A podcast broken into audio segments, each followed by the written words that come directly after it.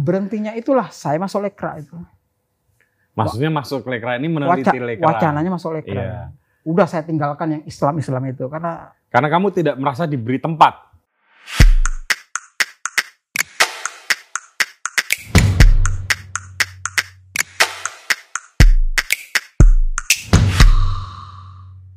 Halo teman-teman, ketemu lagi dengan saya Putu TA, Kepala Suku Mojo. Dan di sore yang panas ini, eh, saya mengunjungi kawan lama saya. Seorang penulis yang ya kira-kira karirnya, karir kepenulisannya itu 2-3 tahun di atas saya lah. Ya Din, ya. maksudnya lebih senior. Oke, lebih senior kan? Hah? terima. Lebih senior. saya saya terima. Dan bukan itu, tapi eh,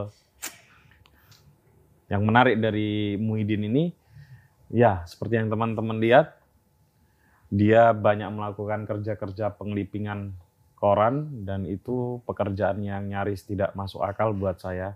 Apa gunanya gitu? ya, apa gunanya kok punya cukup waktu untuk gitu? Kamu lihat kayaknya. Kayak nggak ada gunanya emang. Eh, emang ada- ntar, ntar, ntar. Aku belum mau ngomongin itu. Terus punya komunitas radio buku. Dan ini yang menarik mungkin teman-teman belum tahu ya. Kalau butuh apa-apa yang penting, eh, menyangkut dokumen masa lalu, eh, Muhyiddin itu punya lembaga namanya Warung Arsip ya Din ya. Iya. Yang teman-teman bisa membeli di situ dan harganya nggak mahal. Ada yang sepuluh ribu, ada yang mahal terlalu mahal sepuluh ribu, dua ribu. Ada yang 2000. Itu keren banget. Teman-teman kalau pengen ya, silakan mengunjungi warung arsip di situs webnya.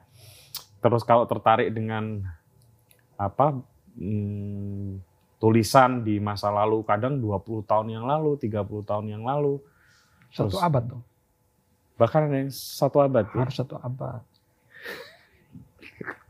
Itu oke banget itu. Dengan harga yang sangat murah, Anda nggak perlu pergi ke mana-mana, cuman tinggal beli, Anda sudah bisa memilikinya. Gitu ya.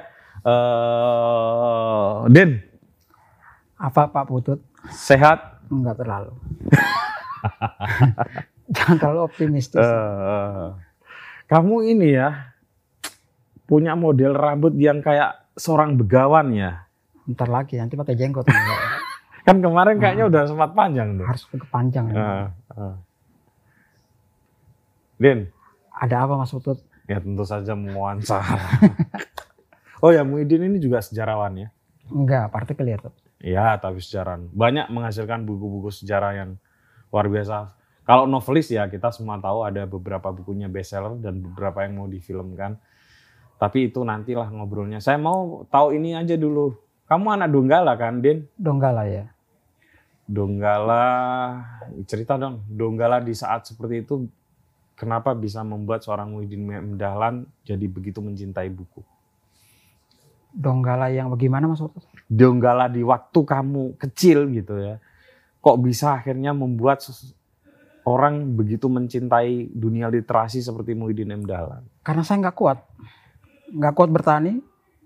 Nggak kuat apa di atas gelombang gitu. Kan Hmm. laut. Iya. Rumah saya kan apa cuma berapa mau kedengaran kok ombaknya. Ya kalau Donggala pasti di pinggir laut lah, Nah, kan nggak bisa saya apa nggak bisa jadi eh, pelaut. pelaut juga nggak bisa gitu ya. Apa yang bisa dikerjakan oleh orang yang nggak kuat? Misalnya eh, kebun cengkeh, memetik cengkeh nggak bisa saya mindahan tangga, ya. nggak kuat. Kamu physically ini ya, kepon- lemah. akhirnya keponakan saya yang memindahkan saya. Oh berarti itu calon juragan. Kalau udah punya kebun cengkeh ngapain juga harus metik cengkeh? Terus Itu. terus nggak bisa manjat kelapa gitu. Hmm. Nah semua hal yang fisik itu kan nggak bisa. Padahal mau hidup kan. Apa yang nggak fisik ya? Hmm. Ya mencintai buku. Salah satunya adalah yang nggak fisik. Kamu menenggelamkan diri dari dalam buku. Ah, karena semua pekerjaan di kampung itu butuh fisik yang sangat kuat. Tapi bagi orang kampung kan yang lain kerja, kamu masa masih baca-baca kan problem tuh. Ya memang problem kan. Hmm. Itulah problemnya. Di kota Palu nggak ada toko buku. Iya. Kabupaten Donggala nggak ada toko buku juga. Di saat kamu kecil ya, kalau Ah, sekarang kan ada ya. Nggak ada semua yang itu kan. Akhirnya menjadi orang apa ya? Nggak terlalu banyak yang begitu kan. Maka di Kabupaten Donggala itu ketahuan siapa aja penulis itu kan ketahuan banget itu. Gampang Tapi dilacak. koran di Donggala ada kan? Eh, cuma satu dari kota dan nggak nyampe ke desa kan. Artinya kan sebenarnya waktu kecil Nggak, kamu nggak baca koran. nggak baca koran? Nggak baca koran. Ah. Nggak ada baca satupun koran itu. Kamu hanya baca buku di SD Iya, atau SMP? buku pelajaran kan. Buku di perpustakaan gitu nggak ada. Din? Nggak punya. Saya nggak nggak punya akses dengan balai pustaka kan. Nggak punya bacaan tentang balai pustaka, sastra. Saya hampir nggak baca sastra. kan. Enggak, maksudku gini, kan di SD itu kan ada perpustakaannya. Perpustakaan sekolah. Perpustakaan sekolah, perpustakaan sekolah itu jangan salah loh. SD nggak punya perpustakaan sekolah. Oh ya? Ah, SMP bukunya cuma sedikit. Ada balai pustaka tapi gimana ya bacanya itu? Hmm, Karena nggak masuk dalam kurikulum untuk membaca tuh. betul. nggak punya sama sekali kan akses itu. Jadi hanya mencintai itu palsu menurut saya karena hanya karena pelarian fisik nggak kuat. Nggak- Terus apa dong yang kamu baca saat itu? Di fase-fase itu? Buku pelajaran. Buku pelajaran? Ah. Berarti kamu pinter ya? Ya harus pintar. Weh, Kalau nggak pintar, ini udah mulai keluar Muhyiddinnya ya. ya agak sombong. Saya sorry saya teman-teman ya, saya manggilnya Muhyiddin karena itu panggilan lama. Kalau yang lain-lain kan yang tawaduk sama beliau ya manggilnya Gusmo. Iya. Gus. Mo. Heeh, Ketika Ada. di AIN itu. Iya. Saya Din aja lah gitu. Jadi gitu Mas Putut. Hmm. Mas Putut. Pak Putut. Foto Bukan jangan. Ah. Nanti kasihan yang gitu ya. opo. Jadi itu alasannya. Nggak ada alasan yang lain. Sangat fisik nggak ada alasan yang idealis gitu ya. Karena itu ketika saya di Jogja itu Bentar sebelum di Jogja. Kamu SMA SMA-nya kan STM. Ah, ah, itu pun bukan pilihan saya kan, Pilihan siapa? pilihan kakak saya. Kok anak yang juara SMP kok masa sekolah di kecamatan gitu? Wih, kamu juara SMP ya? Heeh, Wih, SD SMP juara terus lah ya. enggak juga. Pokoknya S- Ya satu dua satu Wah. dua gitu lah. masa kok sekolah di kecamatan? Ah besok pendaftaran STM tutup kan? Oh diantarlah saya ke sana untuk Hmm. mendaftar. Sekolah yang saya nggak ada bayangan saya tentang STM kan, karena kok anak juara kok harus STM. sekolah di kecamatan gitu loh, nggak enak gitu. Hmm, Harus hmm. ke kota, pindahlah ke kota. Ketemu ternyata STM ini sekolah apa STM Hmm. ini Itu di kota Donggalanya atau Palu? kota Palu. Palu. Karena Donggala itu nggak enak sebetulnya. Mau ke kota Donggala itu harus melewati kota Palu. Udah keramaiannya itu udah lewat kan. Harus kota Donggala lebih kecil. Iya, iya. Tapi kan lebih tua kota Donggala ya daripada Iya. Palu ya sebetulnya. Tapi kan nggak enak ke ibu kota Donggala itu karena harus melewati kota Palu. Melewati keramaian besar, Ah, lewati mau ke kota kecil gitu. Oke. Nah itu, jadi saya sekolah STM itu pun bukan pilihan. Makanya hampir nggak lulus kan? Masa? Hampir nggak lulus. Kamu apa? STM-nya mengambil apa? Jurusannya? Teknik gambar. Oh, bangunan Mau ya jadi berarti arsitek. ah. ya? Wis, ngeri. Maunya arsitek dong. Iya. Hampir nggak lulus kenapa? Karena saya nggak suka jurusannya. Hmm. Terus kenapa bisa memutuskan pergi ke Jogja? Sebentar, saya lupa ya. Kok nggak ke Makassar? Kan rata-rata kan- Enggak, sebetulnya bayangan saya itu bukan Jogja tapi Manado. Saya Manado? pengen sekali lihat kota Manado. Sampai sekarang nggak pernah. Kamu belum pernah Belum ke mana? pernah berkunjung Manado. Padahal itu kan Dekat kan itu, tinggal kamu ke utara, leher, Gorontalo. leher kan. Iya. Sampai sekarang saya belum pernah dan imajinasi Manado itu tetap terpelihara dari kecil kan. Wih. Kota yang kayak Michael Jackson ada break dance-nya gitu ya. Eh. Lumayan gila, gila itu. Kota yang pokoknya metropolitan itu Manado menurut saya. Nggak ada kota lain. Belum pernah ya? Belum pernah. Gimana? Makassar itu bukan bukan bukan ba- tujuan. bukan tujuan itu Justru kiblatnya biasa Manado. banget itu kalau- Oke, oke. biasa, biasa kalau saya itu lihat Makassar itu. Eh sorry, berarti Din kalau kamu sukunya apa tuh kalau di Donggala? Kaili. Hah? Kaili. Oh kamu Kaili? Kaili. Suku keramat ini. Masa sih? iya pak. makanya, Pantesan. makanya nama anak saya Kaili kan. Oh, Ada aku baru tahu ini loh. Kamu Kaili. Suku Kaili. Oke, oke, oke, oke. Tapi belum pernah ke Manado. Belum pernah ke Manado. Oke. Pengennya ke Manado, Saya pengen ke Manado, kayak tibanya di Jogja. malah tiba di Jogja. kan. Gimana tuh ceritanya? Eh, kan biasanya Jogja itu, nah ini tahu kenapa ya. Setiap tahun eh, tahun ajaran baru, Hmm. mereka itu kan mengeluarkan brosur, itu, ya kursusan, ya Hmm, kampus-kampus, Iya. terutama kampus swasta itu. Iya, kamu swasta. Akprin, Aba, Ah, ah, itu, gitu ya. itu, itu mengeluarkan semua brosur, dan itulah memperkenalkan Jogja itu yang swasta-swasta itu. Mm. Maka menurut saya kampus swasta itu punya jasa Hmm. untuk memperkenalkan Jogja kepada anak-anak SMA seluruh Indonesia. Benar, Kan jasa mereka itu. betul. Nggak mungkin lah Nggak. UGM, UGM lah. UIN, UIAIN dulu ya. Mempertaruhkan ininya mereka. itu swasta kursusan. Eh, Eh, Gajah Mada apa? Bener, Gam- Gama, Gama, Eksakta. Eh, gitu-gitu. Iya kan? Ah. Ya, Neutron. Neutron. Itulah yang perkenalkan Ya, ya. Jogja itu ke seluruh Indonesia. Ah. Anak-anak itu datang dengan foto-foto ya seperti Irwan Bajang kan. Itu kan ketipu oleh foto UPN. ya, mereka fotonya yang di ring road kan. Kampusnya itu kandang kambing kan. Ada di Babarsari kan. Oh dia dapat Ah, kampus yang di kampus. Ya, Oh. Dia bingung kan. Kok tidak sesuai dengan kampus saya gitu. Apa dalam foto brosurnya gitu. Nah itu contohnya kalau Eka. Pocer lebih lucu lagi. Apa? Dia kan dari bandara tuh karena dari Papua. Dia dari Serui atau dari mana ya? Ah. Tiba di bandara, blank nih masih mau memilihnya di Jogja. Nah kalau dari bandara dulu, bandara di Sucipto ke kota, kampus pertama yang dilewati kan UIN. UIN. Nah, jadi dia pikir inilah kampus terbaik. Gedungnya kan memang udah megah kan ya. Hmm. Eh, UIN yang sekarang ini kan gedungnya megah banget kan. Hmm. Jadi begitu dia lihat kampus yang pertama dia lihat dan bagus ya UIN, ya akhirnya dia masuk UIN. Nah, saya dapat brosur itu. Ah, brosur kursus apa gitu. Saya lupa, malah sampai lupa saya kursus brosur itu. Oke. Saya langsung ambil itu kan. Hmm. Bagaimana caranya saya keluar dari kota Palu itu. Hmm. Nah, itu tiket penting bagi saya. Walaupun nggak jelas ini tiket apa sebetulnya, apa kampus apa gitu. Kampus komputer apa, saya lupa judul, lupa itu ada di Jetis gitu. Setiap saya lewat itu, saya ingatan saya pasti ke sana. Perempatan Jetis itu loh. Tahu tahu. Tahu kan SDM di situ tahu. ada di Iya, situ. iya, iya, iya. Komputer. Di situ memang dulu ada beberapa. Ada. Ada Sekarang udah bangkrut itu. Neutron, ada apa gitu. Nah, udah bangkrut di situ. Nah, itu tiket yang membuat saya ke Jogja gitu. Naik apa kamu ke Jogja? Kapal. Kapal tidar gitu. Sendirian lagi kan, bayangkan. Wih. Bapak saya nggak pernah cerita bahwa dia pernah ke Surabaya masih mudanya naik perahu layar kan. Bahwa keberanian itu ternyata diwariskan gitu. Wah sih. Gitu. Dan itu kalau sorry, kalau Donggala Tidar itu Dua hari dua malam. lewatnya Surabaya ya tetap ya. Dia Makassar, Makassar Eh. dulu. Pantoloan, ke Kalimantan, Balikpapan, Oh iya harus ke Kalimantan dulu terus seingatku. ke Makassar. Mu- Ini kan aneh kan rutenya. Rutenya aneh. Donggala ke Kalimantan dulu, Ah. Kalimantan ke Pulang ke Sulawesi Selatan, Sul- Sulsel ke Makassar, baru ke Surabaya dia.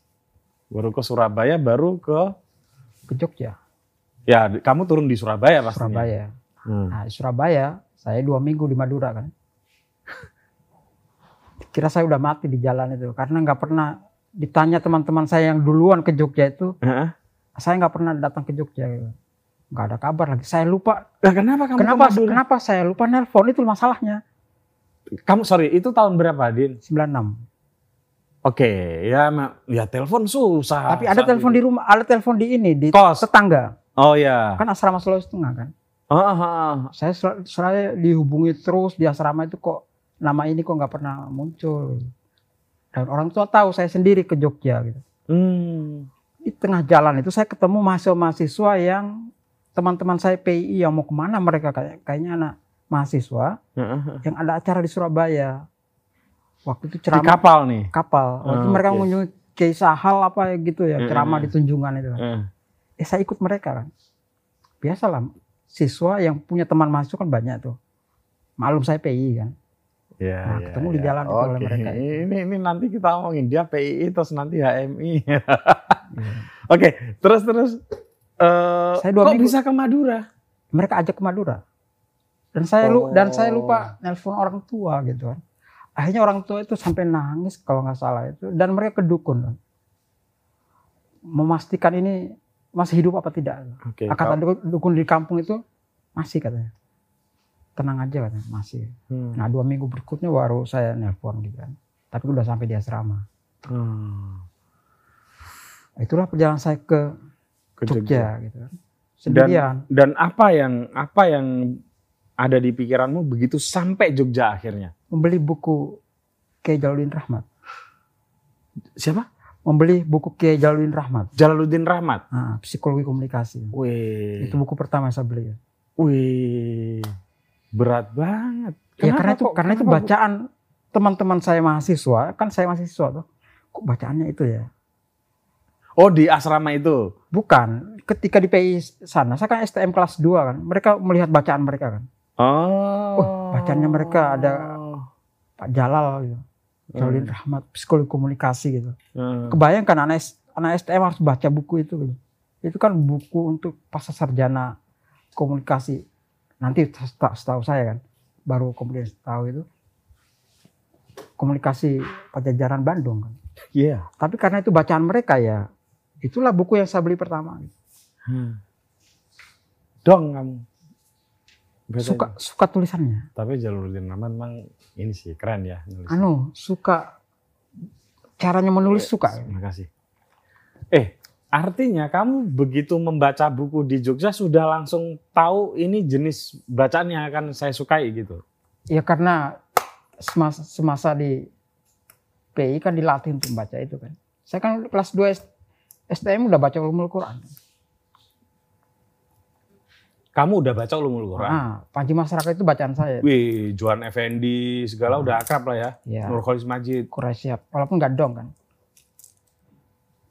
Kan tidak dong, anak STM.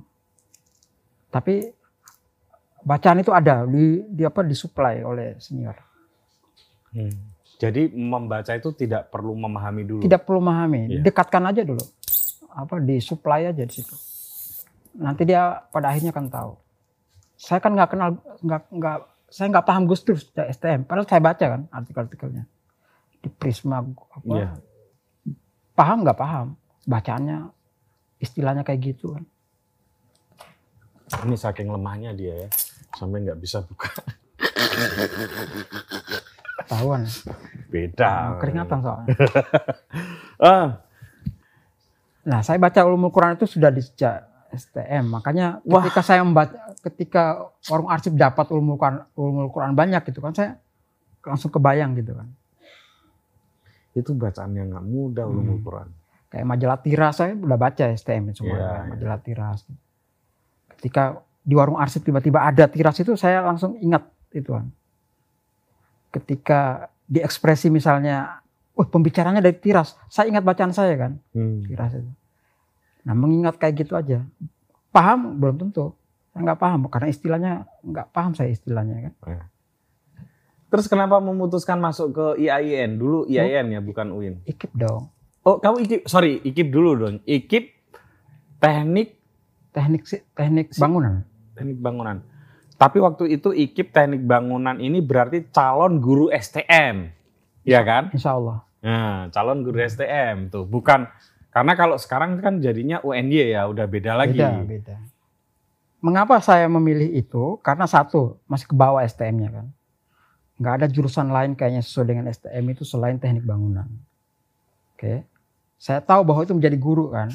Karena ada berapa guru saya di STM itu memang lulusan IKIP Malang sama IKIP Bandung. Gitu ya. Tapi ya, hampir nggak pernah lihat, lihat IKIP Jogja. Maka saya kuliahlah di IKIP Jogja dan bukan bukan anu bukan jalur prestasi tapi juga jalur apa UMPTN. PMPTN. Dulu jalur UMPTN. Nah, saya Hmm. lolos kan UMPTN. Lolos lah, anak pinter. Masa nggak lolos? Setahun kursusan kan? Setahun kursus. Oh, kamu nggak langsung masuk ya? Kan pelajaran UMPTN itu kan ada fisika, Betul. ada kimia. Itu kan nggak dapat di STM. Oke. Hmm. Ya kan? Ada matematika dasar lagi kan? Kan saya nggak terlalu terampil dengan itu. Hmm. Bahasa Indonesia ada kan? Ada. Bahasa Inggris apa lagi ada ya? Ada. Itu harus dikursuskan semua lagi kan? Hmm. Saya kembali seperti kelas 1 SMA. Di di lembaga di Jogja, pendidikan lembaga itu pendidikan tadi. di Jogja. Oh, Jadi yang di tiap- Jetes tadi itu. Hmm, jadi tiap hari itu saya harus belajar ulang matematika Oke, dasar, Oke. belajar bahasa Indonesia, gitu. Hmm. belajar habis 18 jam saya habiskan sehari kan. Wih. Hanya untuk mengejar jangan sampai saya pulang gitu kan. Tiket udah di one way kan tiket ini. Heeh. Tiket udah di depan mata. Kalau saya nggak lolos IKIP, saya akan pulang. Udah. Dan pantang lah ya untuk Pantang pulang. lah masa pelaut, anak pelaut kok pulang Iya. cepat. Nggak boleh pulang cepat. Harus Belajar kan. Hmm. Seasrama memang saya cuma lulus sendirian UMPTN. Oh iya. Semuanya gugur semua kan. Di di Asrama Sulawesi Tengah. Sulawesi Tengah. Kan Asrama Sulteng ah, itu kan, yang banyak itu yang ikut UMPN, UMPTN anak baru itu banyak semua. Seluruh kabupaten itu. Nah, saya lulus IKIP. Pilihan cuma satu, teknik bangunan. Kan ada tiga pilihan. dong. Iya. Kan tiga pilihan. Hmm. Saya cuma pilih satu Jogja, Oh. teknik bangunan. Oke. Kok duanya dikosongin? Lah kalau saya ke Bandung kan saya adaptasi lagi kan. Hmm. Saya nggak mau adaptasi ke Surabaya, Bandung malam ada adaptasi. Bukan tujuan saya itu. Hanya lolos, satu-satunya lolos ya itu. Dan satu jurusan gitu. Bonusnya itu dua jurusan itu kosong gitu. Ya saya diterima di IKIP. Aku dulu sih nggak boleh ngosongin itu ya. Ah, saya ngosong. Tapi aku isi dengan hal yang tidak masuk akal. Misalnya pilihan karena aku kan tahu bahwa yang kuincar filsafat. Oh, incaran awal ya. Incaran awal karena aku mirip kamu. Yang penting masuk UGM dan murah itu karena soal murah. Jadi aku lihat nih ada lima jurusan yang paling mud- agak kompetitif lah di paling bawah tuh. Kompetitif paling bawah. Ya, yang masih mungkin aku bisa bertarung lah gitu. Kalau yang atas-atas nggak mungkin. Nah, aku milih filsafat, pilihan nomor satu. Baru pilihan nomor dua teknik nuklir. kan nggak mungkin secara logika. Teknik nuklir nomor dua. ya. Iya, hanya sekedar ngisi aja supaya nggak kosong. Oh, Terus berat. teknik ketiga, eh ketiga pilihan ketiga ilmu komunikasi kan nggak masuk. Nggak Mestinya akal. kan ilmu Masuk- komunikasi Ah, dulu, masuk akal. teknik nuklir, baru filsafat. Ini Ah. tak balik. Nggak masuk akal. masuk akal. Ya sama ini juga takut siapa tahu aku beruntung ternyata masuknya di teknik nuklir kan bahaya. Aku juga nggak suka matematika yang lain-lain. Nanti Iya, suruh hitung-hitungan malah otomatis Bah- bahaya itu memang drop out itu ancamannya tuh. orang itu filsafat aja Ancamannya drop out itu memang teknik nuklir. Karena tahu sendiri alumni teknik nuklir kita kan kayak apa tuh. Nirwan Arsuka. Memang harus suka lulus ya. Iya, tapi naik kuda tiap naik kuda ke mana-mana itu. Gimana tuh? Terus siapa namanya yang nulis-nulis tentang yang aneh-aneh itu Agus siapa? Eh, Yang jawab pos itu loh, yang tulisannya JP Books itu loh. tahu aku tahu. Akhirat tidak tidak ada gitu. Nabi Adam bukan nabi Ah, pertama. Eh, eh, eh, Agus siapa? Itu Agus teknik- Sunyato ya? Bukan, Eh? pokoknya Agus namanya. Itu teknik nuklir itu. Penasihat spiritualnya SBY kan. Teknik Oh. nuklir. Hmm. Lihat aja hasilnya kayak gitu kan. Aneh-aneh pikirannya kan. Ya, ya termasuk Ah, iya. aku punya satu teman teknik nuklir, Teknik Pak nuklir. Was. Ah, Pak, Pak Was itu coba jadi sekolah- jadi guru rimba itu kan. Kan agak aneh itu emang. Teknik nuklir itu. Kalau teknik bangunan nggak aneh. Enggak, dia guru kan. Tapi kenapa cuman Saya satu satu setahun empat semester dua tahun lah Jadi tahun kedua saya masuk saya daftar filsafat oh pasti nggak lulus UGM. nggak lulus kan pasti Jadi sebetulnya harus lulus kan. Sebetulnya karena saya kursus kembali kan. oh kursus kembali Saya kursus kembali untuk masuk. karena saya udah lupa semua pelajarannya kan. Saya kan lupa lupa. Mau tujuannya untuk masuk IKIP kan. Eh. Ilmu itu waktu tujuannya masuk IKIP. Setelah masuk IKIP, ilmunya hilang. hmm. Kan diperbo- diperbolehkan ilmu hilang kan. Hmm. Mau tujuannya cuma jangka pendek kok. iya iya bukan iya. tujuan mulia kan. hanya untuk tujuan Ah, les tes ah, aja Tujuan tes kan bukan mulia, berarti nggak Betul. nggak ada ikatan di pikiran ya. Hmm. Saya ulangi lagi kan. di tempat yang sama Tempat yang sama, kursusan yang sama ah, terus masuk UGM filsafat. nggak lulus kamu bilang Nggak lulus itu begini Mas Put. ah itu nggak ada begini ya nggak lulus itu Bentar, nggak bentar. lulus Ketika ketika apa tryout terakhir, oke, ada kan tryout terakhir Ada. Krida itu. Heeh. aku tuh nggak ikut tryout lulus aja Sebentar, nilai saya kok nggak keluar gitu kan. ah hasil tryout itu nggak keluar. gitu. Sialnya adalah pensil yang sama saya pakai untuk besoknya itu di filsafat UGM. Pensil yang sama. Oh, kamu salah pensil. Kayaknya saya nggak tahu 2B itu maksudnya apa gitu. Oh, itu yang konon katanya yang terbaca di komputer. Ah, jadi tryout itu nggak keluar nilai saya. Sialnya itu pensil yang sama itu saya pakai untuk filsafat gue. Nggak ada nilainya. Tapi bagus lah. Hmm, Akhirnya ya udah. Kalau Kalau- masuk filsafat juga belum tentu. Kalau filsafat nggak bisa, kan, Oh, masih, kan masih ada IAIN. Ya iya, ya iya. Masuk, ya, Masuklah di peradaban ilmu apa? Islam, Peradaban Islam. peradaban Islam. Itu apa sih fakultasnya? Fakultas Adab. Masuk. IAIN juga lumayan susah loh. Hah? Jangan salah loh. Tapi kan mudah kan. Bisa bisa masuk cepat begitu aja kan. Pakai tes ngawur. Ya pakai tes. Ya, Ini malah nggak pakai tes. Kamu pakai tes nggak? Tes. tes. Ini IAIN semua nih. IAIN semua. Mm-mm. Oh, ini isi. Isinya juga susah tuh. Tapi kan ketika masuk IAIN itu saya udah main siasat kan. Apa yang tidak bisa saya akan kosongkan gitu. Saya nggak ngapa-ngapain. Betul. Misalnya ada berapa itu misalnya sudah agak agak rumit bahasa Arabnya itu ada berapa yang sudah saya akan singkirkan ini. Saya nggak mau akan pelajari itu karena waktunya waktunya ini waktunya Cepat. cepat sekali kan apa pendaftarannya itu. Akhirnya yang saya bisa saya bisa itu aja yang saya kan udah tahu siasatnya sering masuk sering ikut tes gitu kan. Ada temenku sekarang nih nggak lulus IAIN karena nggak bisa baca Quran. Kok ada kayak gitu ya? Iya. Ada wawancara ya? kan menjelang nanti di ini di apa skripsi itu kan ada baca Quran 1 2 kalau nggak salah gitu lah. Oh itu skripsi.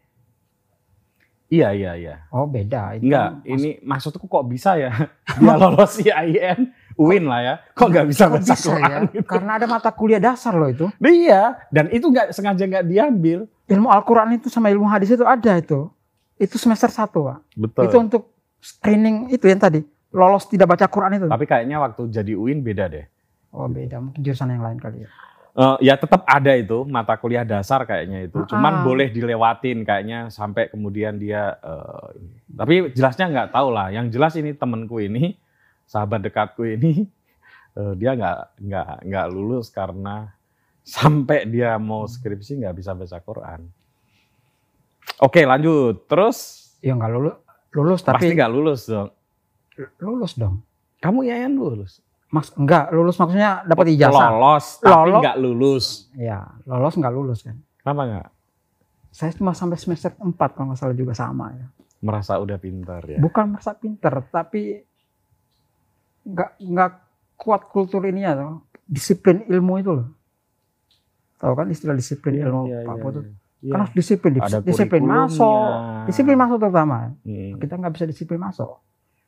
Jadi Kenapa kamu misalnya nggak- ya saya, eh saya kan bangun jam berapa itu? Kan sholat tahajud tuh bu. Sholat tahajud kan jam 3 tuh ke masjid. Ini, ini benar ini. Iya, kan ke masjid masjid apa namanya masjid demokrasi itu. Kan saya Iya, dekat iya. Demangan situ. Ah. Kan sholat tahajud situ. Ketiduran kan. Jam 7 masuk. Pas saya masuk itu lain kelas kalau nggak salah kok nggak ada temanku ya. Dan kok bahasa Arab nggak mungkin lah ini kelasku ini. Dan saya di paling depan gitu.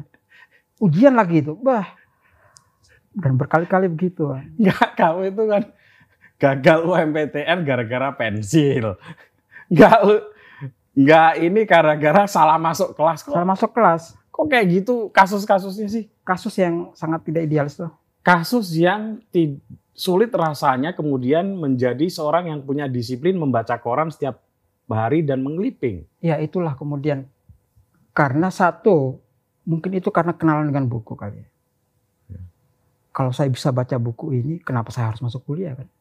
Persis, itu biasanya anak-anak semester Nah, tiga kayak gitu. ah, ah, sombongnya minta ampun. Mm-mm. Padahal ilmunya pas-pasan. Contoh, ujiannya itu ya, misalnya ujian peradaban Islam awal gitu ya. Coba gambarlah peta Madinah sama Arab apa jalan dakwahnya Umar bin Khattab itu. Hmm. Lah saya nggak tahu Madinah itu sama Mekah itu yang di peta itu yang mana atas yang mana bawah. Mekah di atas sama Madinah di bawah. So, mau apa? Kan gagal itu ujian itu. gitu aja saya nggak tahu kan. Ya. Waduh, bahaya ini kalau saya lanjutkan lagi ini saya harus bacaan dasar lagi semua ini kan. Hmm. Gambar peta gitu kan. Gitu kan. Tapi di saat-saat itu, baik waktu teknik bangunan ke fil- mau ke filsafat, terus kemudian ke UIN, sudah mulai mencintai buku. Oh itu tentu saja kan. Oh. Karena di antara itu saya udah bikin bikin buku kan. Oh, kamu udah menerbitkan buku? Iya dong, sosialisme religius itu kan ada. Itu ketika kamu tulis waktu Semester 4. semester Maksudnya 4 me- teknik bangunan. Menjadi editor kan. Semester itu. Semester 4. Berarti kamu begitu ada di Jogja sudah langsung akrab dengan dunia literasi? Iya cepat saya itu. Karena ada shopping kan. Oh. Nah, saya pekerjaan saya jalan kaki, jalan kaki dari ya, bayangkan ya. Ah, Kan asrama saya kan di sini di Bintaran Tengah. Hmm. Hmm. Jadi kan cepat jalannya itu kan Hmm. jalan kaki aja ke shopping kan, belanja buku. Terus kamu keluar apa cita-cita hidupmu? Keluar ke mana Pak Putu? Keluar dari UIN? Keluar dari UIN, saya kan sudah jadi anu tuh editor kan. Kamu karir Sebentar, karir bukumu ini ya? lebih cepat, Cepat karena ya. kan di UIN itu kan saya dicari oleh, Pantesan kamu sebentar dicari dosen dulu kan. Hmm. Eh Muhyiddin ini ke mana? Ketua jurusan kan. Hmm. Ini udah apa sejarah sosialnya kok nggak diambil-ambil gitu. Ini mau dikasih nilai, tapi dia harus kerjakan artikel apa gitu. Dan dia nggak tahu bahwa saya lagi ngerjain, ngerjain buku Tuhan izinkan jadi pelacur tuh. Nah saya, ya saya betul-betul kembali ke UIN kan, tapi dengan buku itu, bedah buku kan. Eh akhirnya ketemu si mahasiswa yang hilang, tapi kan sudah saya drop out kan. Pantesan kamu masuknya UGM eh masuk eh, kuliahnya itu duluan aku. Tapi kenapa kok jadi penulis dikenalnya sebagai penulis kok duluan kamu? Ternyata kamu cepet banget ya. cepat karena ada pustaka pelajar. Jadi 99 tengah itu eh enggak ding. 98 itu saya udah mulai kenal ini, kenal pustaka pelajar. Hmm. Mengapa begitu? Ya karena ada HMI. Jalurnya kan. Ya. Karena senior saya di HMI itu keponakannya pustaka pelajar, Pak Yayat, Oh. kreasi wacana kan. Nah, itulah gunanya jaringan kanda HMI. jaringan kanda-kanda itu kan. saya, saya punya itu. Ya. Privilege mengenal itu ada ya jaringan itu. Tapi begitu kamu keluar berarti kamu sudah merasa akan menjadi seorang penulis nih. Eh, belum. Tapi tanda-tanda itu ada karena saya presensi buku kan. Ya, waduh, tiap hampir tiap minggu, kadang dua, kadang tiga tuh. Tanda-tanda itu ada karena saya presensi buku. Mas Putut.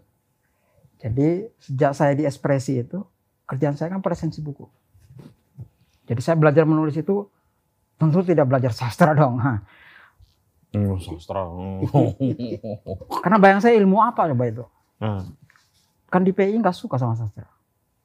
kenapa? So, ini semua orang PII atau kamu sebagai orang PII?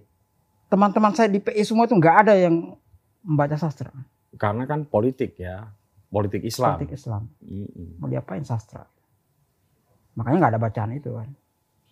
Sampai saya kuliah pun itu nggak ada. Bahkan di ekspresi itu salah satu orang gitu ya yang menghilangkan rubrik sastra di LPM ekspresi sampai sekarang nggak ada Mas Putut. Itu kamu.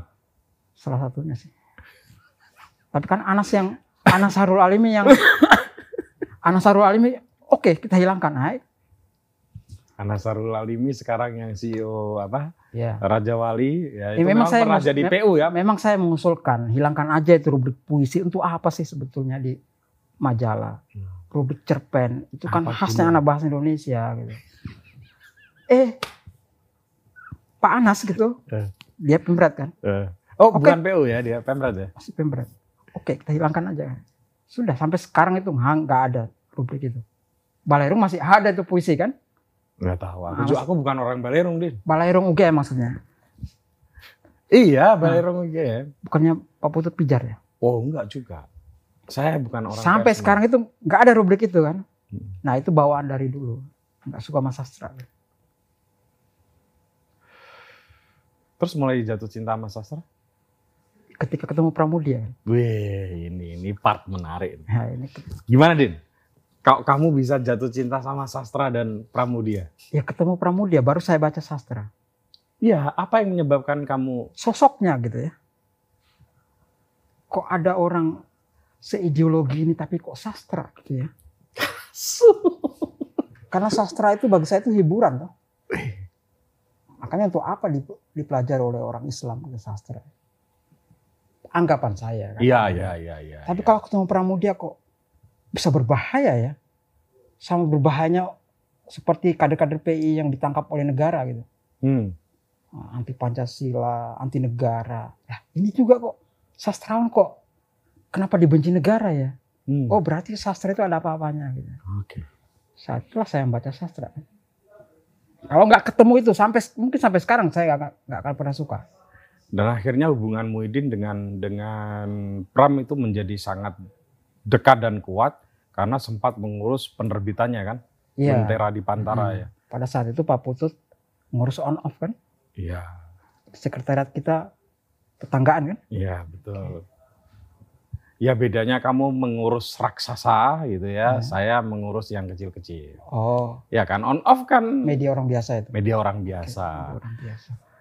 Kamu kanon lah. Apa yang menarik Din menurutmu sejauh kamu kenal Pramudia? Nah di situlah kemudian saya nangkap satu gitu ya, yang mungkin teman-teman saya nggak mampu menangkap itu ya. Dia kalau ke daerah itu ngeliping koran. Itu ketika sudah keluar dari penjara atau sebelumnya? Saya lihat kan, kan dia datang ke Jogja. Ya, Pak Putut kan ketua panitia kan. ya eh, lonse apa seminar ya. Seminar- Waktu itu Gus Dur, Pramudia Nantatur, almarhum Mansur Fakih dan Ibu siapa dari UI itu feminis? Jurnal perempuan. Ya, itulah. Terus Saya- moderatornya adalah Taufik Razen ya.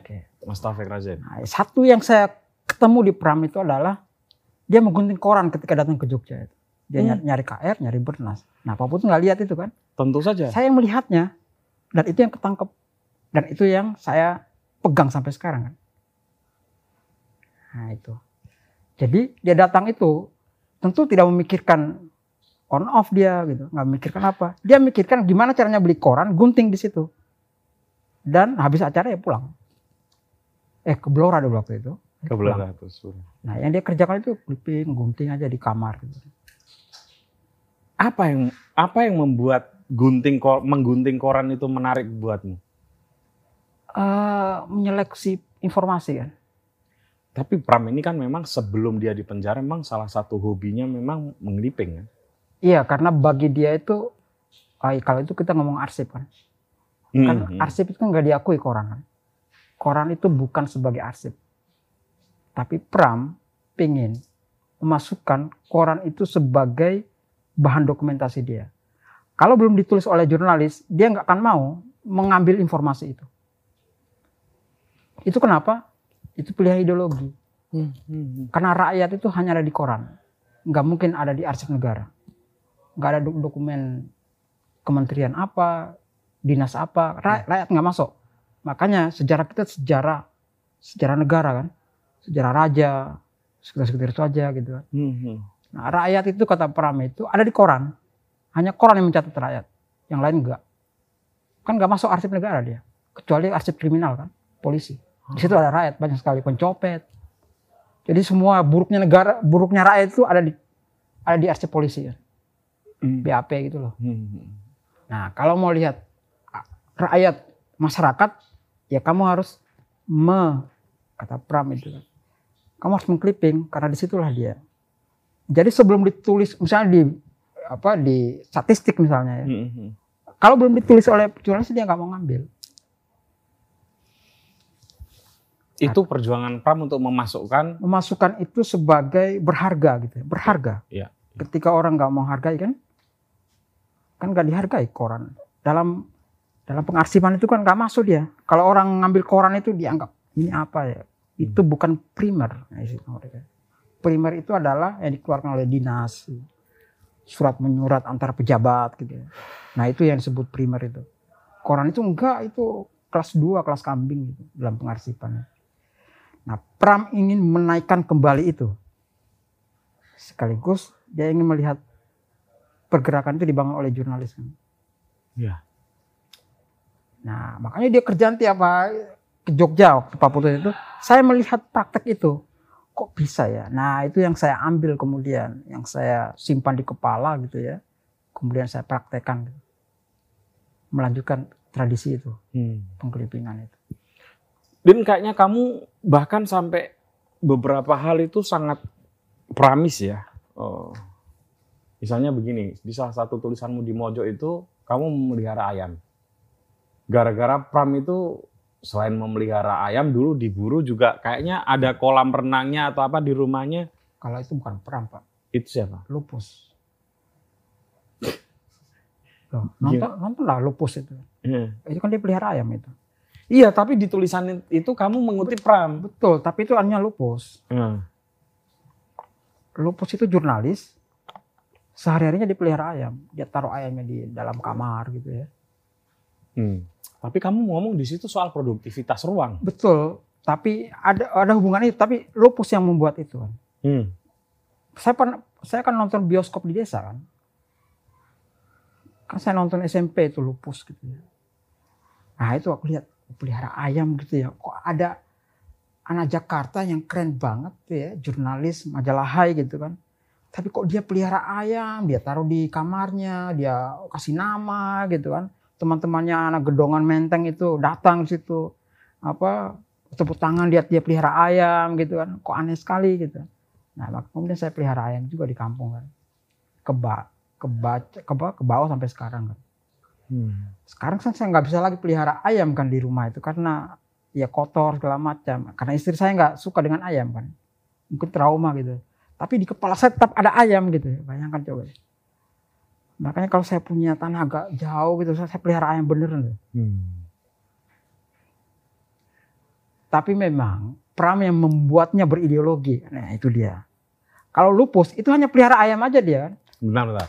Ini anak PII melanjutkan karir organisasinya ke HMI, lalu mencintai Pram. Ini gimana tuh? Bermasalah Agak- saya di agak, agak agak agak agak agak beda-beda dikit itu. Nah itulah saya Jalurnya. itulah saya bermasalah dengan PBHMI kan. Keluarga besar Kahmi itu. Jadi kan di HMI sama PI kan nggak boleh berhubungan sama orang PKI kan. Hmm. Jadi cerita itu bermula ketika sudah dibuka. Bermula ketika saya itu nggak diterima novel saya di kalangan Islam kan. Ya novelmu bahaya memang. Ya, Tuhan izinkan aku jadi pelacur. makanya saya berhenti kan nulis novel itu. Maksudnya tradisi menulis novel Islam. Karena setelah Adam Hawa sebetulnya saya ingin menulis Itu, itu trilogi kalau nggak salah ya. Apa? Setelah itu Adam Hawa. bukan. Setelah Adam Hawa itu saya ingin menulis tentang sejarah nabi-nabi kan. Itu kan proyek yang gak selesai pak. Sampai Nabi Muhammad kan. Jadi kan saya mulai dari Nabi Adam. Nah nabinya kan dari Adam pak. 25 nabi. Oh. Itu seri pertama, serial nabi-nabi. Kan ada Mizan itu mengeluarkan serial nabi kan. Saya juga pengen mengeluarkan serial nabi. Keluarlah Adam Hawa kan. Eh baru serial pertama saya udah di Polda Metro Jaya kan. Iya. Kebahaya. Waduh ini bahaya bener kalau saya masuk. Saya, Itu dulu siapa sih yang melaporkan kamu, Din? Majelis Mujahidin. Majelis Mujahidin. ya? Saya dicari dan dikasih surat dari Polda kan di Kerapi aja. Itu Ada surat deliknya apa? Delik tuduhannya apa? menghina Nabi Adam katanya. Menghina Nabi Adam. Menghina Nabi Adam. Jarang-jarang loh. Biasanya orang menghina Nabi, Nabi Muhammad. baru. Kalau enggak Maria kan. Heeh. tapi Nabi Adam itu. Nah, penghinaan itu kan, waduh bahaya ini. Kan teman-teman saya bi- biasa lihat saya kan pendiam toh mereka itu. Tapi kok karyamu kok kayak gini? Saya juga bilang, saya juga nggak tahu kenapa bisa begitu. Kepala saya tiba-tiba bergemur tuh Adam kayak gitu kan. Nah kebayang kan, kan saya udah persiapkan sebenarnya dalam Adam Hawa itu lanjutannya Idris kan. Makanya ada tokoh Idris itu diapain? Ah, ah, saya nanti keluarkan tokoh itu. Jadi Nabi Idris nggak jadi kan ancamannya ancamannya polisi kan waduh bahaya ini saya berhenti Itu akhirnya ditarik dari peredaran. enggak enggak sampai Kamu Karena- tapi sampai diproses di polisi. nggak sampai diproses, tapi prosesnya itu ke media Indonesia karena resensinya itu keluar di media Indonesia. Oke. Jadi dilaporkan itu resensinya. Oke, ya, nah, ya, Caf ya. Saifullah itu jurnalis. Iya, iya, iya, iya, ya, aku ingat itu. Ya, ju- itu jurnalis jurnalis magang gitu ya. Mm-mm. Kalau nggak salah dipecat setelah itu. Banyak jurnalis magang gitu ya. Aku masih diakai itu kasus itu. Iya, kasus itu. Hmm. Saya disuruh daripada kalian saling melapor, suruh berdebat aja lah. Hanya berdebat di media ini sebulan kan. Iya, iya. iya. Saya dua kali membantah. Itu yang yang yang yang lawan bantahanmu waktu itu Majelis- siapa? ya? Majelis jadi udah almarhum kan. Si siapa namanya ya? Punya anunya intelektualnya yang majelis mujahidin. Oke, oke. Bantah. Gimana cara bantah? Saya dibantu. Pak Taufik kira-kira enaknya saya lawan lewat apa itu? Pak Taufik bilang panggil Nabi Hidir katanya. Pak Taufik siapa? Taufik Razan kan. Oh, Mas Taufik Razak. Nah, kan saya di Menteng waktu itu. Aha. Panggil aja Nabi Hidir katanya. Wah ini dia saya panggil betul Nabi Hidir untuk menjadi metode kan. Membakar apa gitu kan. Nah, dia harus membakar itu. Iya, iya. Setelah itu ya saya udah kehilangan ini, kehilangan keberanian untuk menulis itu novel-novel yang hubungan sama agama gitu. Kenapa? Karena saya takut itu di tengah jalan itu pikiran ini ya, bergemuruh. gitu. Eh, tapi izinkan Tuhan aku menjadi pelacur itu juga masalah kan? Itu kan yang pertama. Saya, Iya. Saya Kenapa sih? sebentar, saya kira itu Iya. itu selesai masalahnya. Saya lanjut kemudian kabar budaya langit. Iya, kabar buruk dari langit. Kabar budaya langit bermasalah di MUI kan. Saya kira Ka- kabar buruk dari langit itu bermasalah juga. Iya, kan itu di di apa namanya? Itu kan diproses di MUI. Sesat tidak sesatnya kan. Kan masuk dalam daftar, Hmm. daftar hitam itu loh. Kebulan langit. Nah, itu kan saya nyoba lagi sekali lagi. Siapa tahu ini udah lurus gitu ya. Saya coba, coba Adam Hawa kan. Iya. Waduh, ini tiga kali nggak boleh saya masuk. Pasti saya masuk jerat ini. Hanya berhenti kan. Berhentinya itulah saya masuk lekra itu. Maksudnya masuk lekra ini Waca- meneliti lekra. wacananya masuk lekra. Iya. Udah saya tinggalkan yang Islam-Islam itu karena Karena kamu tidak merasa diberi tempat. nggak punya pembelaan di situ kan. Hmm. Saya kira ini kutukan saya di sini nanti kalau saya lanjutkan ini saya pasti bermasalah. Oke. Saya ke Lekra kan. Lekra, saya coba nulis di Jawa Pos kan. Iya. Saya kaget dua minggu kemudian. Masya Allah ada Kanda Taufik Ismail. Makanya aku tanya tadi ini ini, ini Taufik siapa? Ada Taufik Razan dan ada Hmm. Pak Taufik Ismail. Masya Allah ada Taufik Ismail. Itu Kanda Kanda yang sangat dihormati di PI dan di. HMI kan. Betul. Dan dia mengecam saya gitu kan. Hmm. Nulis esai di Jawa Pos itu. Tahu apa kalian tentang Lekra? Tentang lekra. Hmm. kan kan belum lahir gitu. Ya benar juga menurut saya kan. Ya tahu apa gitu. Apalagi yang saya pakai dengan itu ada cuma sumber-sumber tidak signifikan. Padahal bukunya Pak Taufik Ismail Perhara Budaya itu saya baca di PI itu itu buku wajib karena itu menjadi pedoman untuk sejarah PI Hmm. kan. Buku itu menjadi Kok kok bisa? Perhara budaya itu Perhara kan budaya kan ada- perdebatan. ada tentang itu, Hmm. tapi ada juga tentang nanti hubungannya sama buku satunya lagi. Buku yang diterbitkan oleh Pak Budan kembali itu. Namanya Peristiwa Kanigoro. Oke. Itu terbitan Republika. Hmm. Nah, itu juga terbitan Republika. Jadi berdampingan buku itu. Memang saya nggak paham dulunya waktu di PI karena saya lihatnya Kanigoro kan. Peristiwa Kanigoro itu kan Ya. peristiwa PI. Di pengantarnya itu ada itu Kanigoro di buku Perhara Budaya itu. Oh ya. Oke. Padahal itu Kanigoro itu tahu saya bahwa itu buku kurikulum kurikulum pelajar Islam Indonesia khususnya untuk melawan PKI. Hmm. Udah, itu buku pembakar itu, bensinnya itu semua kader itu pasti baca semua itu. Ya. Karena itu membakar soalnya. Hmm. Nah, tahu-tahu saya nulis tentang itu kan. Ya, Itu dibalas ya sama dia. dibalas Iya. di esainya tanggal 30 Agustus 2005, ulang tahunnya PKI Lekret ke-50 kan. Waduh, kok bisa ya? Padahal dia sumber-sumbernya dahsyat gitu ya. Kan nggak bisa ditanding, nggak ada penanding buku itu satupun di Indonesia. Dan orang akan menyembah buku itu karena, uh ini dokumen Hmm. primer semua karena dokumen-dokumen Ya. tua, koran-koran tua dan dia punya akses gitu ya. Gimana? Dan sampai sampai saat itu saya nggak pernah balas kan, karena saya nggak sanggup balasnya. Senior, eh super senior pak. Pelaku sejarah lagi kan. Iya.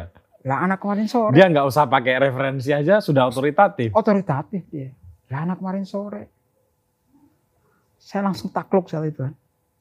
Untunglah. Gitu kan. 2006 saya itu ditunjuk Pak Taufik Razen untuk meneliti koran-koran di Indonesia. Ya. 2006 adalah ulang tahun Pak eh ulang Tirto tahun. Adi. Tirto Adi Suryo di Heeh.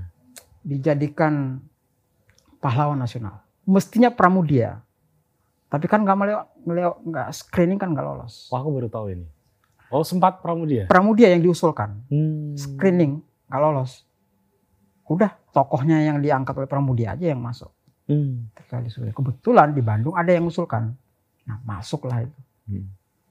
Ya Pak Taufik kan orang dekat sana kan. Itu pun nggak bisa masuk kan. Ya. Akhirnya Tirto yang keluar. Nah untuk me- menyambut Tirto Adi Suryo sebagai pahlawan nasional. Saya ditugaskan untuk memimpin sebuah riset riset besar tentang membaca biografi koran-koran di Indonesia. Hmm. sejak Batavia Senovo 1744 Itu yang menghasilkan buku tebal banget ya. Ah, apa, Apa sahabat judulnya? sahabat pers Indonesia. Sahabat pers Indonesia. Ya. Jadi menulis biografinya gitu. Profil-profil kecil. Maka ada Zain Rahmat Sugito di situ. Ada Agung apa? Agung ada anak-anak anak-anak yang awal tirto.id itu, Hmm. ah itu penelitinya or- Ya. peneliti awalnya. Makanya mereka biasanya nulis panjang-panjang di Tirto kan, Iya. terlatih di situ. Karena sebulan harus menghasilkan esai 18 kan. Oh, dan bukan hanya sekedar isai, esai yang berreferensi pada Dan harus membaca aslinya kan. iya. Dan harus membaca langsung, nggak boleh apa, nggak boleh kutipan gitu. Harus melihat korannya langsung, gitu. Hmm. boleh kutipan. Korannya langsung dibaca. Maka kita tinggal di Monas kan. Saya sebutnya itu pesantren Monas. Pesantren Monas. Ya, karena Itu kamu membawai membawakan berapa orang? dua tahun itu sudah 200 orang. Wow. Udah kayak pesantren kan. Yoi, Nah. wajar lah. Jadi Ya kamu kiainya lah. Jadi kita tiap hari tuh ke perpustakaan nasional, tiap hari tuh. Jam 7 harus udah berangkat sebelum buka perpustakaan. Awal-awalnya dianggap sebagai tamu, gitu. pengunjung biasa. Lama-lama kayaknya kalian kok minta ini terus katanya. Kalian ambil sendiri aja deh. Nah, udah kita ngambil sendiri, masuk sendiri, ngambil ngambil. Di situ saya ketemu harian rakyat kan, Yoi. banyak harian rakyat. Loh, kok bintang timur banyak? Loh, Hmm. kok tulisannya Pramudia ada? Hmm. Lah, bukannya ini yang sering dikutip oleh Taufik Pak? Hmm, Jangan disebut namanya. Kanda Taufik Ismail gitu kan. Eh. Loh, kok ini kutipannya Kanda Taufik Ismail kok di sini-sini semua? Hmm. Artinya saya udah menyentuh sumber yang dia pakai kan? Ya. Saya merasa kok saya saya bisa sederajat kalau kayak gini. Oke. Bacanya udah sama. gitu. Hmm. Nah, saat itulah saya kemudian bersama satu namanya Ria kan. Ria itu, Ria kamu coba nulis harian rakyat gitu. Untuk profil dulu kan. Ya. Kang katanya ada yang paling banyak lagi di mana? Di Jogja katanya. Perpustakaan Jogja itu paling banyak harian rakyatnya. Oke, mana? Kita ke Ke Perpusda atau ke Pusda Malioboro. Ma- Oke. Eh ternyata Pusda Malioboro harian rakyatnya Masya Allah. Lengkap. lengkap. Hampir, oh ternyata dilindungi tetap. Ketimbang perpustakaan nasional kan. Kalau perpustakaan nasional kan dihancurkan, maksudnya dihancurkan perlahan-lahan kan. Jadi dibiarkan di lantai 9 gitu, nggak dikasih pendingin segala macam. Hmm. Nggak enak juga dibakar tau. Hmm. Kayak di biarin aja hancur sendiri kok. Eh ketemu. Artinya wah ini sudah sederajat ini. Maka dibuatlah siasat mendebat buku itu. Jadi bukan lagi esainya di Jawa Pos 30 Agustus Tapi 2005 prahara itu. budaya yang kamu Langsung perhara budaya. Wes. Perhara budayanya gimanain? Lihat. Mantap. Kok penulisnya dua? Nggak enak kalau saya sendiri dong. Oke. Saya ajar ya dua orang. Ah. Kok covernya merah? Saya covernya putih dong. Hmm. merah putih kan. Kok ininya sampulnya 500 halaman lebih? Nggak boleh dong, masa 200 halaman? Ya kecil, udah yang udah usia muda. Halamannya kok 500, halamannya kok 200? Nggak mungkin. paling enggak itu harus 500. Harus hampir 600 kan. Jangan terlalu tebal juga. Tapi buku ini kan bisa tebal sekali kalau kalau fontnya itu sama dengan fontnya Prahara Budaya. Ya itu Akhirnya gede. kita kecilin fontnya. Font- fontnya kan gede itu. Kita kecilin fontnya kemudian. Hmm. Kita kecilin jadi 10, koma berapa itu kan. Supaya halamannya nggak boleh terlalu hampir sama. Kalau dijajar itu enak. Ukurannya dikasih sama gitu. Semuanya dikasih sama gitu. Ah, Karena memang melawan itu kan. Buku yang otoritatif tadi itu. Iya, iya, iya. Penulisnya dua orang. Halamannya juga sama. Berlawanan. eh, ukurannya sama gitu ya. Sudah gitu kan. Bukunya terbit. Wah bangga sekali kan kita ya. Dua minggu dikembalikan dari Gramedia. Waduh gawat ini. Alasannya Gramedia, covernya ada palu aritnya. Oke, cover ada palu aritnya. Mas Edi Susanto kan yang Iya, iya, iya. Pelukis di pelukisnya. sini ya. kan idenya dia kan itu. Hmm. dia masuk dalam BAP-nya Mahkamah Konstitusi kan kesampul itu. Oke ganti. Kata Pak Mas Edi itu karena ini desain maka harus pakai desain. Akhirnya ditempelin kertas desainnya kan. Kembalikan Gramedia, nggak nyampe sana dikembalikan lagi. Kemudian saya cari-cari. Ini perkara ini sebenarnya siapa yang siapa yang mempermasalahkan? Eh Kanda Taufik Ismail ternyata kan Bagaimana kamu tahu? di PI, HMI. Kan PB HMI MPO itu didesak, didesak oleh Taufik, apa Kanda Taufik Ismail supaya jangan membela itu, Si ini nih. jangan membela itu. Eh. Buku ini buku PKI katanya. Eh, Tapi PB HMI MPO tahu, lah itu kan kader kita juga katanya. iya, Kader kita katanya. kader kita. Kan mereka jadinya nggak enak gitu. Eh. Makanya Dan sering-sering ngasih workshop lagi kamu di iya HMI. workshop- workshop sejarah kan. Iya, Saya kelasnya sejarah. iya. kan mereka juga nggak enak. Akhirnya mereka membela di di ini kan PBHMI itu kan membela saya di Mahkamah Konstitusi kan Hmm. membela buku itu. Bayangkan coba ya. Buku PKI lekra gitu ya. Dibela oleh PBHMI. Bayangkan coba itu. Wih. Mungkin bukan buku itu yang dia bela, tapi saya kadernya tuh. Iya, iya. Tapi karena kanda Rabi Ismail kampanye di Kahmi itu, oh dia sebar SMS itu. Nyampe juga ke saya kan, waduh ini ternyata ini. Nah kemudian baru tahu saya kemudian, oh siapa sebetulnya yang di kejaksaan yang meng, apa, memunculkan bahwa buku ini terlarang gitu ya. Eh di Itu kan itu di- sempat jadi buku terlarang memang. Terlarang dong, enam buku terlarang kan? Oh iya. Kan enam buku terlarang. Iya, iya, iya. Enam. Apa saja Din? John, John Rosa John Rosa eh, apa? eh, dari Papua, Enggak, John Rosa itu yang apa ya? pem- Wak- apa Pem- waktu eh, yang dalih pembunuhan massal dalih pembunuhan massal. dari Papua satu yang Nah. bukunya Galang. Oke. Nah, Nah ada dua nggak ditemukan penulisnya oleh kejaksaan. Dicari-cari di kota Palu itu nggak ada. Apa tuh? Tentang apa? Buku tentang akhirat, pokoknya ada agamanya, agama, pokoknya dua agama. Dan pengarangnya orang Palu. Orang Palu. Dicurigai saya, "Oh, nggak mungkin lah, nggak mungkin, janganlah saya. Masa saya semua, masa masa enamnya dua, saya saya borong nggak mungkin lah, janganlah saya. Saya cukup ini jelas nama. Terus yang satu lagi Ada satu lagi itu saya lupa, tapi ad- saya pernah ketemu waktu di diundang Kick Andy kalau nggak salah. Nah, satu lagi eh, bukumu ya. Ah buku lekret dan bakar buku. Lekra tidak membakar buku. Itu salah satu yang bela itu, ya itu menariknya itu adalah itu polemik di internal organisasi kemudian. Gitu. Din, bener nggak Lekra nggak membakar buku? Enggak dong, Siapa yang membakar? muda rakyat. Tapi ya kan keponakan nama paman tuh. Enggak juga dong. Hah? Enggak dong. Gimana? Ini aku sebagai pernah orang kiri jadi Loh, berhadapan-hadapan gini. enggak. Pak Pak Putut itu terpengaruh dengan orang-orang itu, informasi itu kan terpengaruh itu. Pemuda rakyat itu memang bakar. Sejak 52 itu mereka kampanye bakar-bakar itu. Naik sepeda keliling Surabaya, Hmm. membuat ada loh, ada ininya, ada beritanya. Hmm. Mereka bangga melakukan itu. Hmm. Tapi kan Lekra tidak. Tradisi itu bukan tradisi mereka. Iya. Bahwa mereka kemudian mendukung daftar buku yang akan dilarang? Iya. Lentera di Pantara itu Termasuk termasuk Ya. menyerang orang-orang yang di manifest kebudayaan. nyerang itu biasa kan. Saling serang lah. saling. Lah itu kan masanya perang Vietnam. Jadi harus kita lihat ini masa perang. Konteksnya ya. Konteks kalau damai-damai aja ngapain tuh? Dalam istilah perang itu adalah ini orang persiapan perang, ini mereka tiba-tiba itu main-main di ini di area tembak gitu. Ya kita tembak gitu. Ngomong tentang kesenian apa gitu ya. Hmm. Itu kan main di area tembak gitu.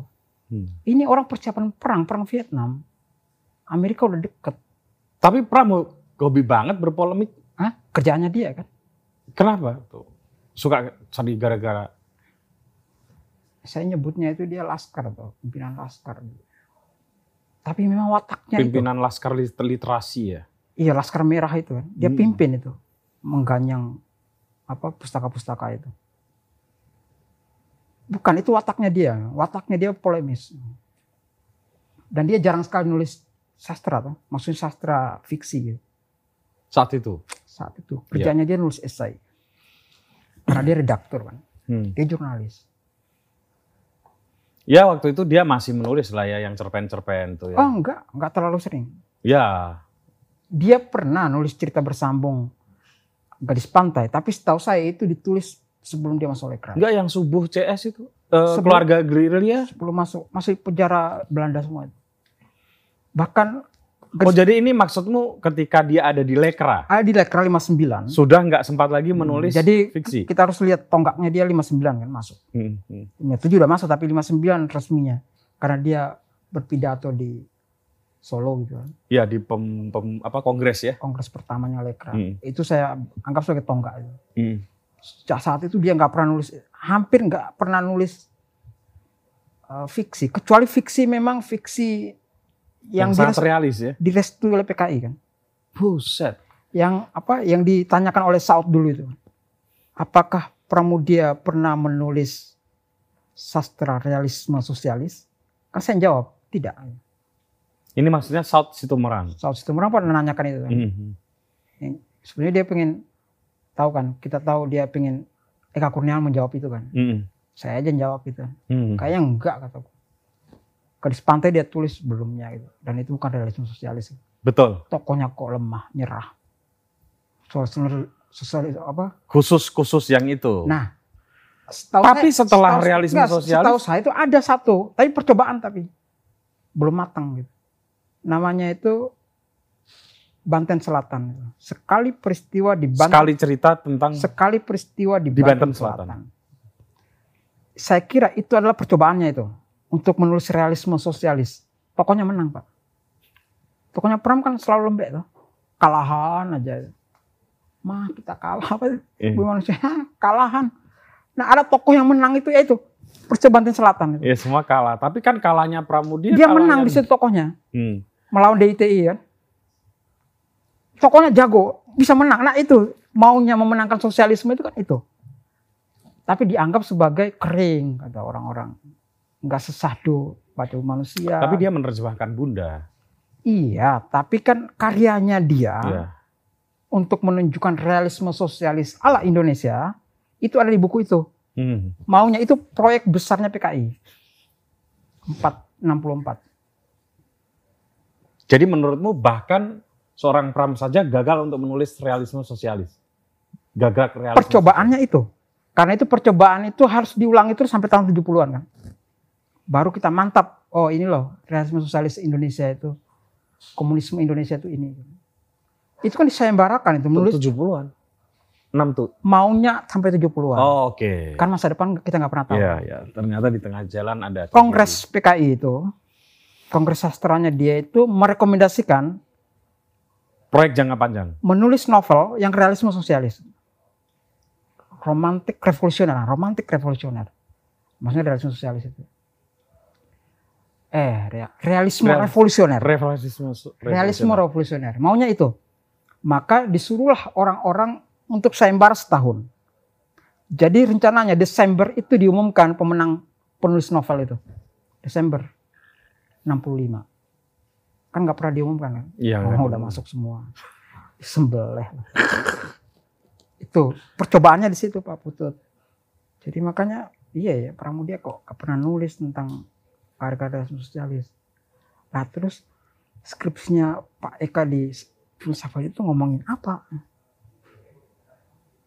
Nah, itu jadi saya tiba-tiba ingat, memang Saud itu nakal ya, ya. Hmm, Tapi cerdik dia, cerdik, pinter. pinter. Dan saya membenarkannya, masalahnya itu saya membenarkannya gitu. Karena ya benar. Kemudian saya tanya, lah yang dikaji oleh Kak Kurniawan di filsafat UGM itu kok bisa lolos skripsi itu ya? Dosennya gimana terus? Dosen filsafat UGM. Eh, aku nggak mau masuk terlalu dalam ya. Ke filsafat UGM maksudnya. Enggak, enggak, enggak. Karena kan ketika kita mau mengajukan skripsi, Iya. kita kan memberi makna atau tafsir atas apa yang disebut realisme sosialis. Oke. Bisa jadi dosen fakultas filsafat itu tidak tidak ngerti itu. Itu kan bukan barang bukan Maksud- barang yang maksudnya- akrab. Maksudnya nggak ngerti itu berhasil dikelabui oleh Eka Kurniawan. Bukan dikelabui. Eka Kurniawan mungkin punya Pintar argumen ya. yang Oh, iya, adekuat gitu ya kuat. dibanding dosen-dosennya. Ya, nggak dikelabui berarti ya. Ya enggak lah, enggak dikelabui. Cu- Karena itu tema yang jangankan gitu, Din. Skripsiku Apa? ya? itu tentang anarkisme. Itu untuk mencari dosen pembimbing susahnya minta ampun. Kok skripsinya Pak Putut kok nggak pernah diterbitkan? Kenapa sih? Jelek. Ya, Karena hanya dua minggu. Enggak, aku mau menceritakannya. Karena di saat itu yang disebut ideologi anarkisme belum banyak dipelajari oleh para dosen di Fakultas Filsafat UGM. Hanya ada satu dosen yang akhirnya memberanikan diri untuk menjadi dosen pembimbingku. Oh, tentu saja saya bisa paham. Nah, Kang. sehingga realisme sosialis itu Saya bisa bisa, kayak gitu karena mereka nggak nggak akrab dengan saya itu. bisa paham itu. Itu Hmm. kan UGM kan identik dengan filsafat Pancasila kan? Betul. Dan bahkan dibikinnya kalau nggak salah dalam konteks untuk menghadang uh, ideologi Iya, komunisme ya. Jelas. Filsafat Pancasila kan? Bahkan Filsafat Pancasila. Eh, Kita itu filsafat bahkan Pancasila dapat dosen- banyak banget. dosen filsafat UGM itu ngajar di IKIP, Pak. Ya, ngajar di mana-mana. Pak siapa namanya? Filsafat Pancasila. Ngajar di mana-mana. Pokoknya dia lah Semua dosennya. pengajar filsafat Pancasila, Pancasila, itu semua dosen UG, eh, lulusan Hmm. UGM. Nah, di filsafat waktu mata kuliah filsafat Pancasila di IKIP. Oh, saya membantah karena saya anak PI kan. Yang agak Iya, agak ini sama Pancasila kan. Iya, Kan tahu tahu, tahu rahasianya toh. iya, Mau masuknya di mana? iya. Baca BPUPKI biasalah masumi gitu ya. Iya. Bantah saling membantah di situ kan. Iya. Oh, gimana Pancasila itu kan. Ini aja deh, ini kan pasti ada dosen atau dosen-dosen fa- fakultas filsafat sekarang kan pinter-pinter din. Pintar ya. Saya akan coba wawancara deh nanti. eh, Nah, Agus Wahyudi. bawa-bawanya pinter-pinter. Masing-masing. Wow. Oh, iya iya. Perempuan-perempuannya banyak yang lulusan Prancis, Iya, lulusan Jerman. Tolonglah filsafat Pancasila itu. Ya, ya, ya, ya. untuk untuk mengobati rasa penasaranku dan penasaranmu ya. Tolonglah filsafat Pancasila itu tentu saja itu kan. Karena karena memang ya terkenal UGM itu cuma filsafat Pancasila gitu. Lah ya memang dibikinnya itu. Makanya saya tahu Alasan kok adanya Oh, kok- itu karena kok Pancasila. UGM itu kok nggak pernah melahirkan filosof. Satunya dia lahirkan filsafat Pancasila itu. Pak siapa namanya udah meninggal kalau salah Pak. Yang dulu ngajar saya IKIP. itu. Noto eh? Bukan yang dia punya buku filsafat Pancasila. Iya, iya, iya, ada, ada. Bukunya dicetak berulang-ulang itu kan. Udah jadi dokter. Iya, iya, iya, iya, iya. Jadi itu Pak. Eh, memang bisanya filsafat UGM itu Pancasila. Ya memang kalau itu Lah. diakuin. Makanya Pak Put kok ngajuin anarkis itu apa sih maksud? Tiba-tiba Iya, iya harus dinamis dong. Aku pikir kalau dosen-dosen sekarang ya ya nggak akan seperti itulah. Cuman wajib untuk ditanya ulang, benarkah filsafat Pancasila itu masih relevan? Gitu. Kamu titip pertanyaannya gitu. ya itu relevan apa enggak ya? Relevan atau enggak?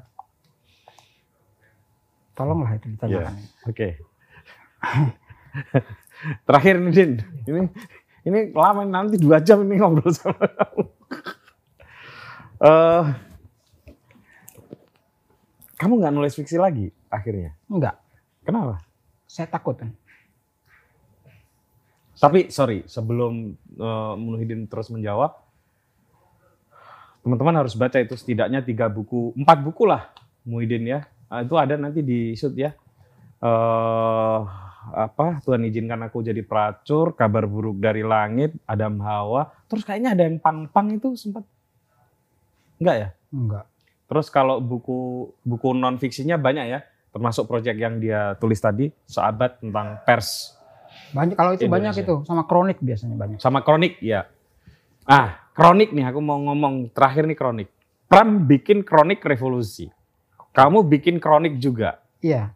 Apa nih? Kamu pra, Jadi kok apa yang dilakukan Pram kamu pengen lakuin Din? bukan karena tadi memperingati Tir- Tirta di Surya. aku yang harus Hah? melakukannya, bukan kamu.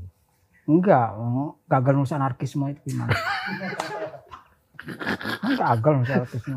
Pak Putut cerpen aja, ya sekali novel gitu lah ya, sekali-sekali. Sama puisi gitu kan. Janganlah. Ah, aku nggak nulis. Jadi waktu itu, itu kan kita membaca banyak koran tuh. Hmm. Hampir semua koran kita baca gitu ya. Sampai apa Nova, Suara Asia, karena itu ada sahabat pers perempuan sekalian sekalian kan. Kita kan baca ininya, baca isinya kan. Nah, 2016 sampai 2008, dua- eh, 2006 sampai 2008 kan dekat tuh sama kebangkitan nasional. Apa sih yang untuk memperingati kebangkitan nasional? Hmm. Udah kita bikin kata Pak Taufik bilang, Kusmo, sanggup nggak bikin untuk memperingati kebangkitan nasional? Hmm. Saya nggak tahu berapa tahun rentangnya, tapi saya bilang sanggup. Saya jangan, saya belum dikasih tahu berapa tahun. Hmm. Bisa, saya bilang bisa Pak.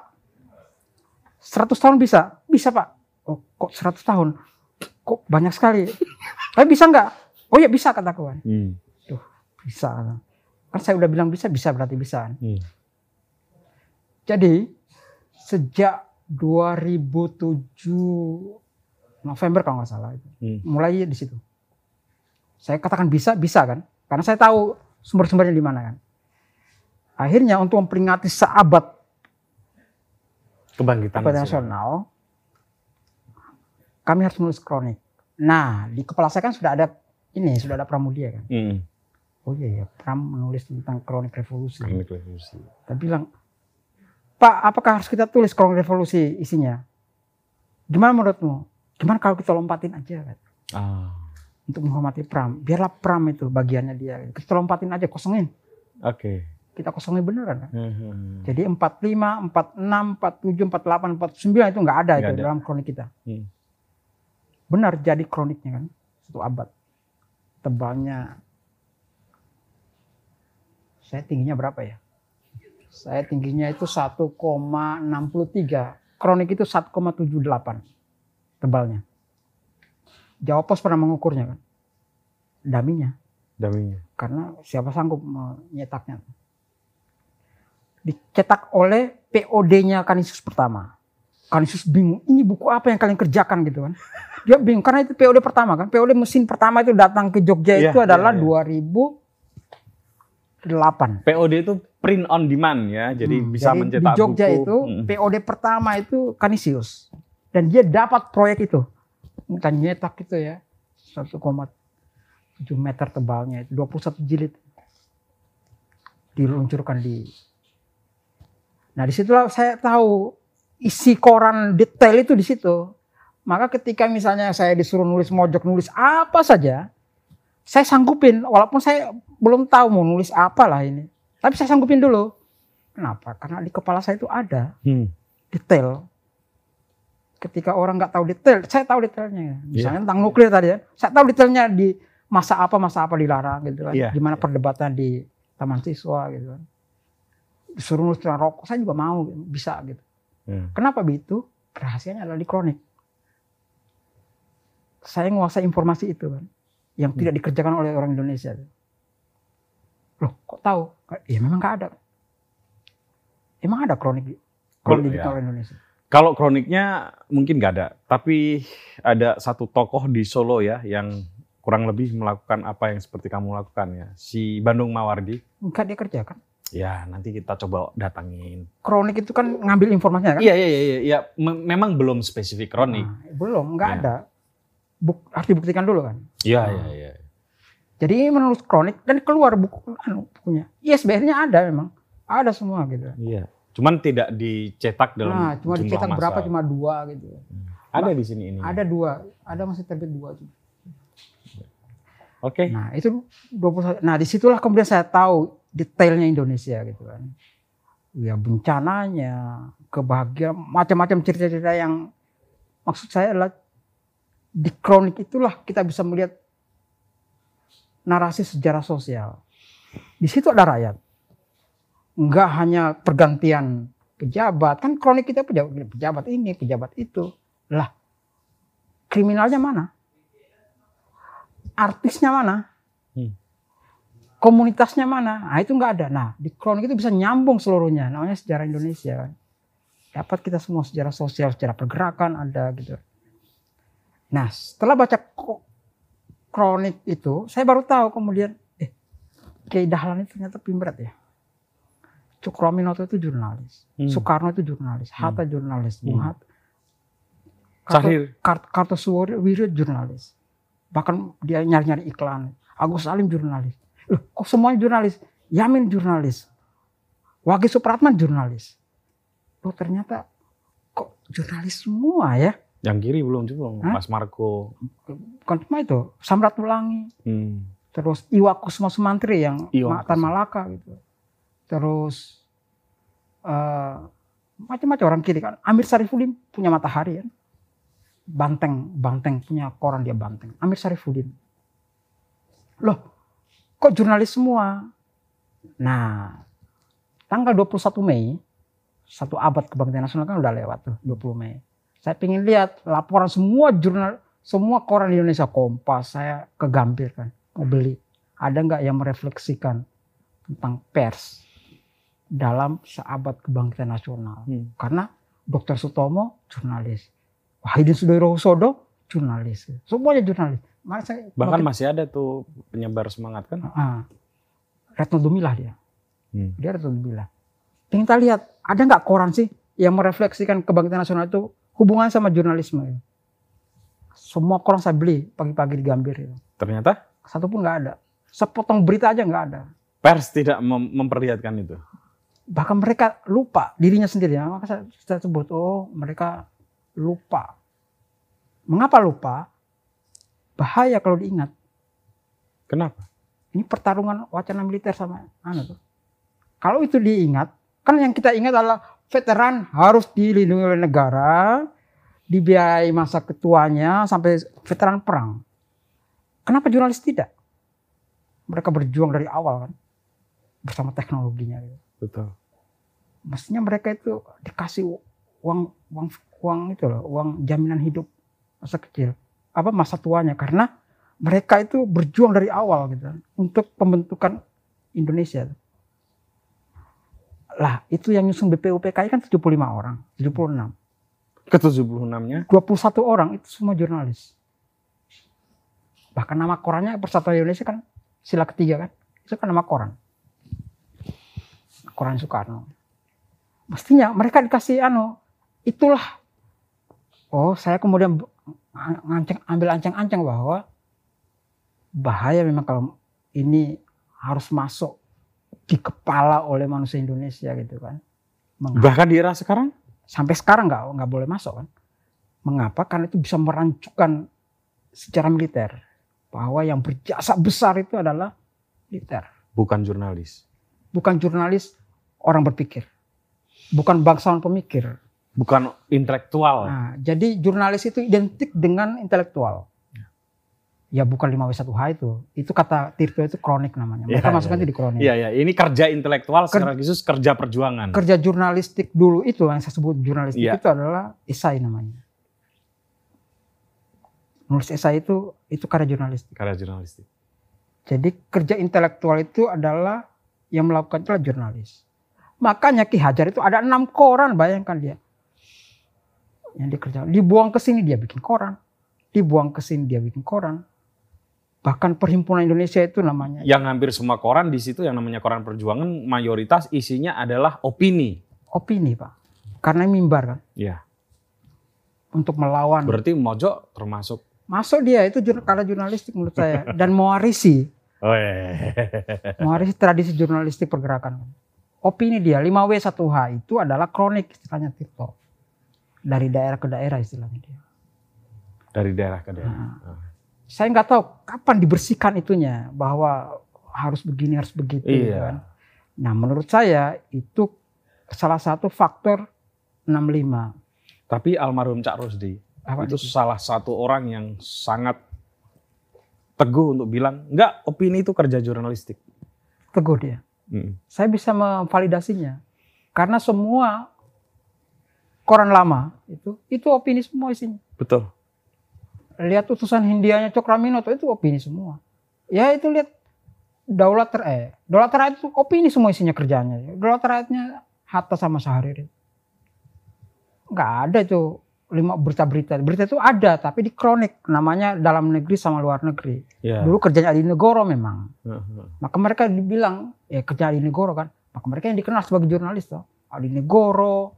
Itu kan dikenal dalam kepala kita Adi Negoro, Muhtar Lubis itu kan jurnalis. Enggak. Dalam tradisi warung arsip itu kita sampingkan dulu yang sudah-sudah dikenal itu. Hmm. Kita ingin mengenal sesuatu yang terbuang dari tradisi jurnalistik itu. Ya kayak tokoh-tokoh tadi itu. Maka saya sebut Kartosuwiryo, penting. Ternyata dia adalah jurnalisnya pelita eh, Fajar Asia sama Agus Salim gitu kan. Syarikat Islam, Abdul Muiz, semua pahlawan nasional nasional itu eh dia. Nah itu yang saya temukan. Tapi kok ketika 21 Mei itu mereka nggak ada sama sekali seluruhnya gitu. Oh ini pasti tidak terjadi dengan sendirinya. Hmm. Ini by design. Karena ham- karena semua media tidak membicarakan itu.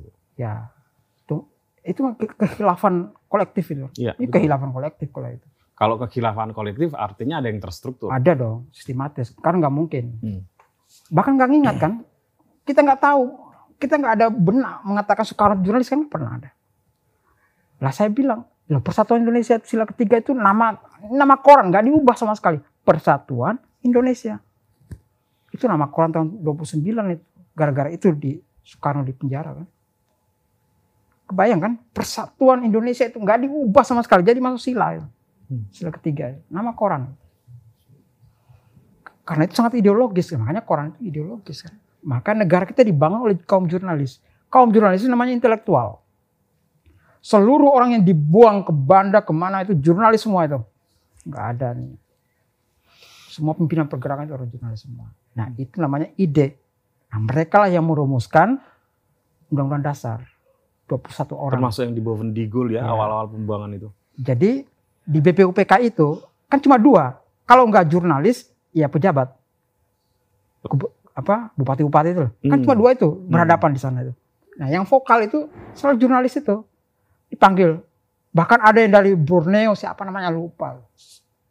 Itu dia juragan anu juragan koran dipanggil BPUPK. Coba jabatannya apa coba? Ya jurnalis.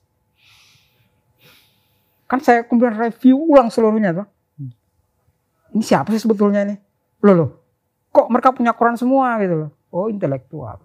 Jadi ya pendiri negara ini terbesarnya bukan militer, kaum intelektual. Nah itu mereka produknya undang dasar. Nah gitu Pak Putut. Itu hasil dari pekerjaan detail membaca koran Ya. ya. satu demi satu bertahun-tahun. Ini sekitar 10 tahun dan waktu itu Indonesia Buku melibatkan sekitar 200 orang. Dan nggak ada satupun jurusan komunikasi. Jadi yang mengerjakan sahabat pers kebangsaan itu nggak ada satupun jurusan komunikasi, jurusan publistik, apalah yang hubungan dengan media itu. Ini saya dulu saya saya merenungkan kemudian dulu ka- Kamu mau setelah nyerang fakultas filsafat mau nyerang fakultas bukan komunikasi? bukan bukan begitu Pak Putu, bukan itu terlalu berlebihan. Ya, gimana gimana? Atau Ya, iya jelas dong. atau mereka nggak pernah mendaftar ketika saya umumkan dulu itu pertama kali pamflet-pamflet itu. Oh, itu berlebihan itu. Nah. Atau Kedua, ya itu komunikasi kedua sudah memang identik tema- dengan kedua PR misalnya. Hmm, kedua memang teman-teman saya memang ya anak YN, Ya ini, jurusan komunikasi dia. anak IKIP. Belum, komunikasi kan barusan. Iya, UIN. Ini Iya, anak UIN. komunikasi. Komunikasi barusan. Kalau itu zamannya YN. Jadi yang saya panggil itu nyaris nggak ada yang ada hubungan sama pers. Mereka blank. Ini apa sih? Jadi mereka ketika menulis itu sama blanknya ketika saya juga apa ya? Hampir mereka tidak tahu apa yang ditulis. Tapi dari situ kan justru menarik prosesnya. Ah, karena itu mereka murni tuh Iya. anggap aja belajar saya bilang udah nyantrik aja belajar pokoknya kalian jadi ini aja jadi seperti spon itu loh kalian Menyerap. nyerap aja semuanya itu benar mereka nggak ada pembantahan apa pun bahkan ketika diserang oleh siapa namanya itu pantau itu apa Andreas. ada kita diserang loh proyek ini Oh, yang ini dong, yang pers ya, yang yang soal pers. pers kan diserang di situ Hmm. saya kan nggak bisa membantah tuh ya karena lagi serius mengerjakan proyek raksasa itu masa habis tenaga untuk debat Mas Jen Rahmat Sugito Hmm. Mana kerjaan toh? Kok dibantah ya. Ada bahan nggak? Kambang melimpah bahannya.